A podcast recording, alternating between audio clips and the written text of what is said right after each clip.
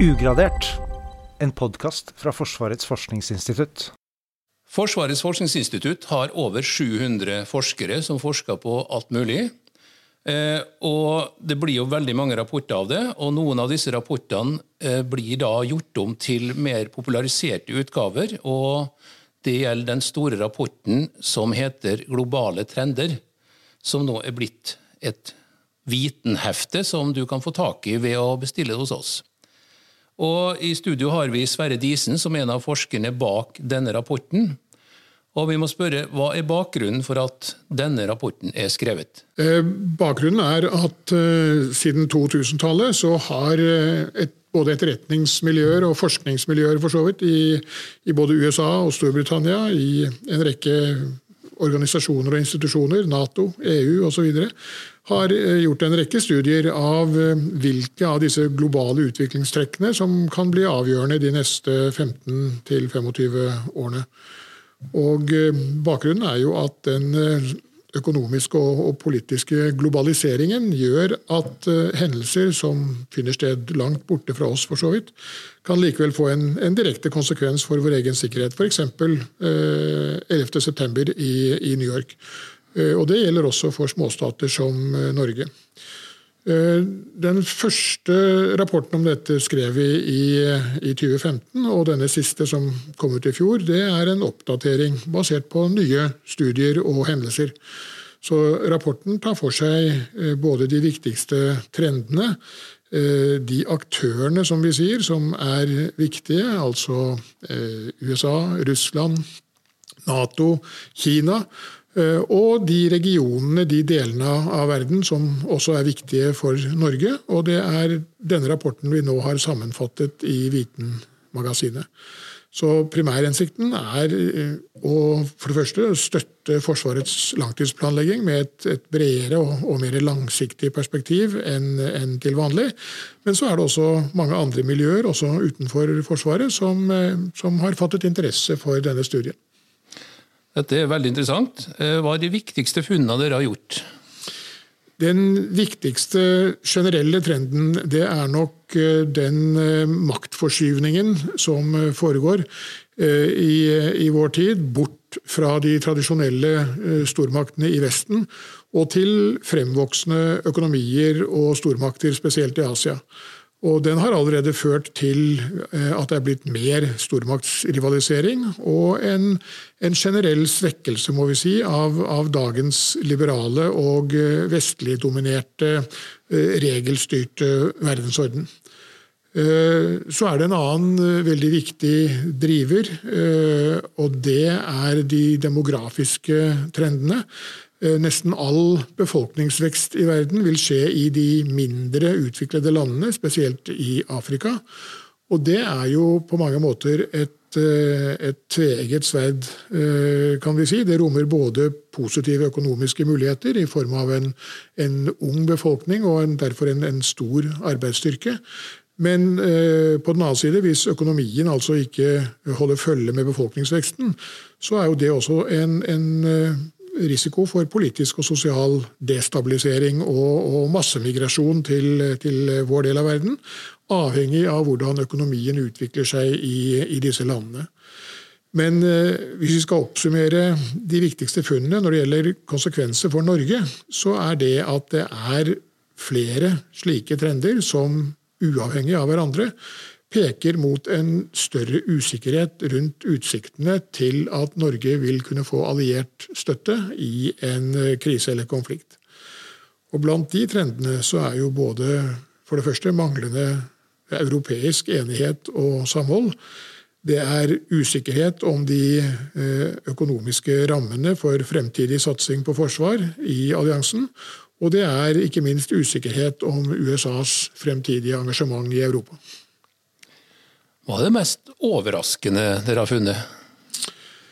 Eh, ja, da må jeg tenke meg litt om, men, men, den største overraskelsen siden 2015 det er nok dette at den, den langsiktige oppslutningen om globaliseringen og, og, hele den liberale verdensorden for så vidt, har gått fra å være noe vi så som, som helt sikkert, og noe vi tok for gitt, til å bli noe som er eh, meget usikkert, eller iallfall mer usikkert enn vi hadde regnet med. Og så bør det vel kanskje også nevnes at uh, Russland uh, ser ut til å være låst til en langsiktig konfrontasjonslinje med Vesten, som egentlig ikke er i landets økonomiske interesse. Uh, og som på lang sikt antagelig vil føre til en økonomisk stagnasjon i Russland, på linje med det landet opplevde under kommunismen. Og Det kan få følger både for selvfølgelig landets stormaktsstatus, Eh, men også for det nåværende regimets overlevelse. Og det er i seg selv en betydelig usikkerhetsfaktor. Må jo si at Hele verden fikk litt av en overraskelse ved nyttår. Den koronaepidemien vi nå er midt oppi, har den påvirka det langsiktige framtidsbildet? Det kommer den helt sikkert til å gjøre, men, men, dette har vi jo ikke rukket å gjøre noe forskningsinnsats på i denne omgang. Eh, og Det er nok uansett for tidlig å trekke noen konklusjoner om dette. Og, de skal vi si, prediksjonene som gjøres på dette området, de, de spenner jo over et, et meget stort uh, usikkerhetsspenn. Uh, det varierer fra det helt begrensede og til det nærmest apokalyptiske. Men det er nok grunnlag for å si at, at pandemien kan få betydelige konsekvenser på, også på forsvarsområdet. Eh, på den ene side kan det selvfølgelig bli lettere å oppfylle Natos krav om 2% av BNP til forsvar, eh, rett og slett fordi vi får en stor resesjon, eller, eller, kanskje til og med en depresjon, med et sterkt fall i, i eh, økonomiene og dermed i, i, BNP.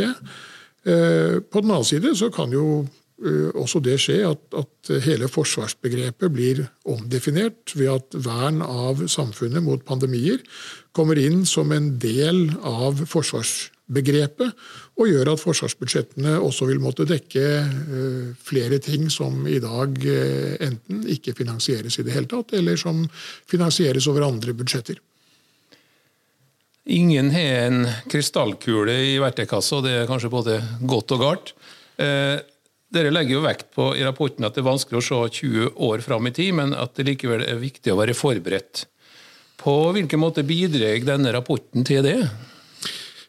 Ja, Det er klart at uh, det er jo som du sier, uh, det er mange ting det er svært vanskelig å forutse. Uh, ta enkelthendelser som Russlands intervensjon i Ukraina i, i 2014, eller for den saks skyld koronapandemien som vi er midt oppi. og Slike ting får jo veldig mye oppmerksomhet. Men generelt så må man si at det er likevel mer kontinuitet enn diskontinuitet i disse globale trendene over tid. Eh, og Derfor har det for det første en, en, verdi i seg selv å kartlegge og analysere globale trender som kan påvirke vår sikkerhetssituasjon på sikt. Eh, ikke minst fordi i forsvarsplanleggingen så arbeider vi jo med å ta beslutninger med veldig lange tidsperspektiver uh, uansett. Så det har noe å gjøre med å skaffe seg en oversikt over hva som kan skje innenfor den tidshorisonten som, som har konsekvenser for, eh, for de store materiellinvesteringene våre, f.eks. Eh, og så er det for det andre også nødvendig og nyttig å tenke over konsekvensene og om verden går i en helt annen retning enn den vi, vi si, får ved å bare fremskrive dagens uh, utviklingstrekk. Uh, så På slutten av rapporten så har vi laget fem såkalte alternative verdener der vi utforsker konsekvensene av at en eller flere av dagens globale trender enten snur eller forsterkes.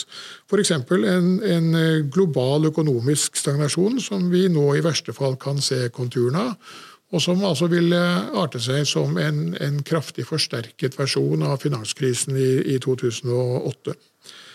Eh, så I denne delen av rapporten så er jo hovedkonklusjonen at eh, de sikkerhetspolitiske implikasjonene av slike omveltninger de vil trolig bli størst for de fremvoksende økonomiene og utviklingslandene, der fortsatt økonomisk vekst er det som bidrar mest til å redusere konfliktrisikoen eh, forbundet med sterk befolkningsvekst, som vi var inne på. Når den politiske og militære ledelsen skal kikke nærmere på de globale trendene som dere presenterer, hva bør ha spesielt merke seg? Det mener jeg må være behovet for å redusere usikkerheten rundt fremtidig alliert støtte. Eh, vi er og forblir en liten og helt allianseavhengig nasjon. Og eh, denne usikkerheten vil kreve en større grad av eh, europeisk regionalisering, der land med reelle strategiske fellesinteresser søker et tettere samarbeid. Eh, og Et slikt tettere regionalt samarbeid er jo også økonomisk nødvendig, med tanke på å begrense konsekvensene av forsvarsbudsjetter som stagnerer, eh, ved at man da får stordriftsfordeler når små land samarbeider, spesielt små land som eh, Norge. Samtidig så vil en sånn eh, regionalisering, altså en, en, et tettere samarbeid mellom de europeiske landene som, som, ligger i samme region, og som derfor har eh, reelle strategiske fellesinteresser, eh, det vil også gjøre det lettere å beholde et amerikansk engasjement i Europa, med sikte på en strategisk og politisk likevekt mellom Russland og det øvrige Europa. Av hensyn til fremtidig stabilitet og forutsigbarhet på vårt kontinent. Eh, av hensyn til et publikum som kanskje er nok bekymra allerede, eh, eh, peker rapporten på noe vi ikke trenger å bekymre oss for? Ja, Nå ligger det jo litt i, i slike rapporters natur at uh, man fokuserer på trusler og, og utfordringer så vi, vi, eh, har jo nær sagt dessverre ikke sett etter lyspunkter. Det ligger litt i, som jeg sier, i sakens natur. Men, men det er et veldig godt og, og, viktig spørsmål. For vi skal jo huske at, at eh, totalt sett så går jo verden på mange måter eh, i riktig retning. Det blir altså mindre fattigdom, det blir færre dødelige konflikter. Det blir altså flere konflikter, men, men med færre eh, døde. Så de store eksistensielle krigene som vi forbinder med forrige århundre, første og annen verdenskrig, eh, de, den tiden ser ut til å være forbi. FFI markerer jo med denne rapporten at også forskning som bidrar til generell innsikt, er en del av instituttets oppgaver. og hva skal dere studere videre i det prosjektet her? Ja, Da skal vi for det første se nærmere på hovedfunnene fra tidligere studier. Eh, og Da tenker jeg igjen spesielt på dette med usikkerheten rundt alliert støtte.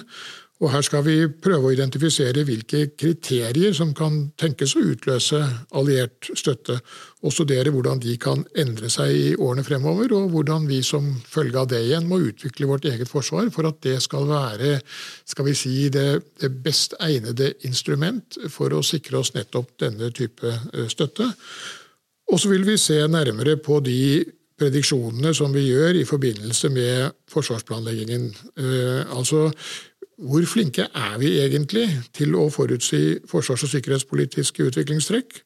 Og, og, hvorfor predikerer eksperter ofte så ulikt om fremtidig krig?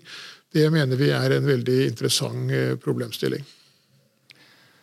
Sverre Disen, tusen takk for at du forteller oss mer om den store, tjukke rapporten som heter Globale trender, og som vi nå har eh, lagd en eh, popularisert utgave av i eh, FFIs Vitenserie. Jeg må spørre til slutt du syns dette er spennende, ikke sant? Ja, dette er eh, selvfølgelig veldig spennende og, eh, og, interessant. Eh, det er kanskje litt rart å bruke et uttrykk som 'morsomt' i en sånn forbindelse, men, men for meg som, også som tidligere militær, så er det klart at dette er noe av det mest interessante jeg kan bruke min tid til, i hvert fall.